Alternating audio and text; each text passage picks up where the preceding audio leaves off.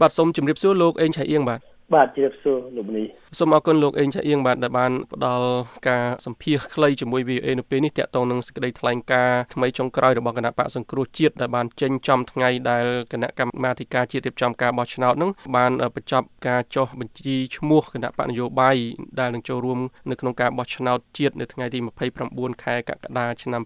2018ខាងមុខនេះក្នុងសេចក្តីថ្លែងការណ៍របស់គណៈបកសង្គ្រោះជាតិនឹងបានលើកឡើងជាច្រើនចំណុចក្នុងនោះរួមទាំងការអំពាវនាវ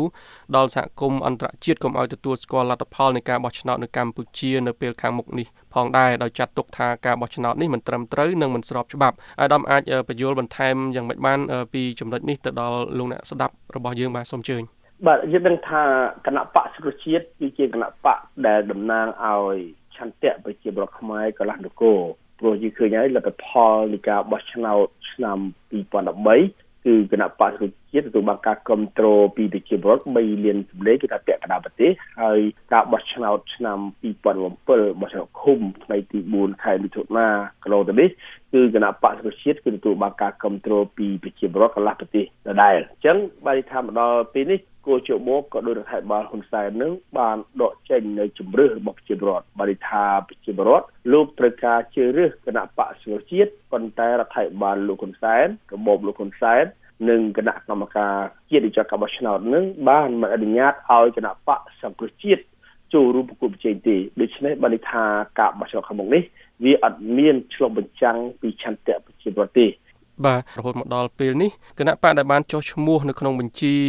របស់កោជបដើម្បីត្រៀមខ្លួនចូលរួមប្រកួតការបោះឆ្នោតនឹងត្រូវបានកោជបទទួលស្គាល់ជាផ្លូវការចំនួន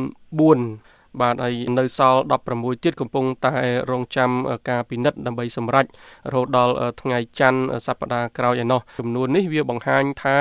ប្រទេសកម្ពុជា មានពហុបកពលគឺចាប់ពីគណៈបក2ឡើងទៅហើយតើនេះមិនជាការស្របទៅនឹងរដ្ឋធម្មនុញ្ញនិងច្បាប់របស់ប្រទេសកម្ពុជាឬទេបាទបាទការដែលមានគណៈបក ច្រើនចូលរួមប្រគល់ប្រជែងនឹងវាមិនមែនជាការឆ្លុះបង្ហាញថាការបោះឆ្នោតនឹងវាឆ្លុះបញ្ចាំងនៅឆន្ទៈប្រជាពលរដ្ឋទេព្រោះគណៈបកដែលទៅចូលរួមបោះឆ្នោតនឹងគឺជាគណៈបកតូចតាចគណៈបកដែលមិនមែនជាតំណាងឲ្យឆន្ទៈប្រជាពលរដ្ឋព្រោះគណៈបកនឹងមានតែក្បាលហើយគឺថាកើតឡើងនៅពេលជិតបោះឆ្នោតយើងឃើញហើយគឺថាគណៈបកខ្លះមានតែក្បាលមានការគ្រប់គ្រងពីប្រជាពលរដ្ឋណាគណៈបកទាំងអស់នោះ ក្រៅពីគណៈបកសិប្រជាជាតិនិងគណៈបកប្រជាជនគាត់មានសម្លេងគ្រប់គ្រងពីប្រជាប្រដ្ឋក្នុងការបោះឆ្នោតឃុំឯណាវាអត់មានបាទគឺជាគណៈបកដែលរបបលោកហ៊ុនសែនចូលរួមជួយបង្កើតដើម្បីបំពេញដើម្បីឲ្យការលំអប្រជាធិបតេយ្យខ្លាំងៗទៅប៉ុណ្ណឹងទេ បាទនៅក្នុងសេចក្តីថ្លែងការណ៍របស់គណៈបកសង្គ្រោះជាតិដដែលនឹងក៏បានអំពាវនាវដល់ប្រទេសជប៉ុនដែលជាប្រទេសជួយផ្នែកបច្ចេកទេសដល់គណៈកម្មាធិការជាតិរៀបចំការបោះឆ្នោតគណៈបកសង្គ្រោះជាតិបានអំពាវនាវឲ្យជប៉ុននឹងបញ្ឈប់ជំនួយនឹងហើយនឹងបញ្ឈប់ការគ្រប់គ្រងដល់កោជបដែលគណៈបកសង្គ្រោះជាតិបានចាត់ទុកថាបានបាត់បង់ឯករាជ្យភាពនិងសុក្រិតភាពមិនអាចរៀបចំដំណើរការការបោះឆ្នោតឲ្យប្រព្រឹត្តទៅដោយសេរីត្រឹមត្រូវយុត្តិធម៌និងជឿជាក់បាននៅឡើយលោកអេងឆៃយើងអាចបញ្ជាក់បានទេដោយសារតែសមាជិកម្នាក់បើសិនជាខ្ញុំមិនច្រឡំទេនៅក្នុងកោជបបច្ចុប្បន្នហ្នឹងក៏មកពីកូតាគណៈបកសង្គ្រោះជាតិដែរតើនេះគឺជាការទទួលស្គាល់កោជបនឹងទេហេតុអីបានជាគណៈបកសង្គ្រោះជាតិចាត់ទុកថាកោជបនឹងបាត់បង់ឯករាជ្យភាពនិងសុក្រិតភាពនៅពេលនេះបាទបាទយើងបាទដឹងថាប្រទេសបាលជប៉ុនបានចូលមកជួយគណៈកម្មការជាតិជាការបោះឆ្នោតនឹងគឺបន្ទាប់ពី មានកិច្ចព្រមព្រៀងនយោបាយថ្ងៃទី22ខែកក្កដាឆ្នាំ2014រវាងគណៈបកប្រជាជនកម្ពុជានិងគណៈបកសិទ្ធិជាតិពេលនោះយើងដឹងថាគណៈបកទាំងពីរនឹងបានឯកភាពគ្នាធ្វើកំណែតម្រង់គណៈកម្មការជាតិរាជការបោះឆ្នោតហើយនឹងរៀបចំបញ្ជីបោះឆ្នោតឡើងវិញ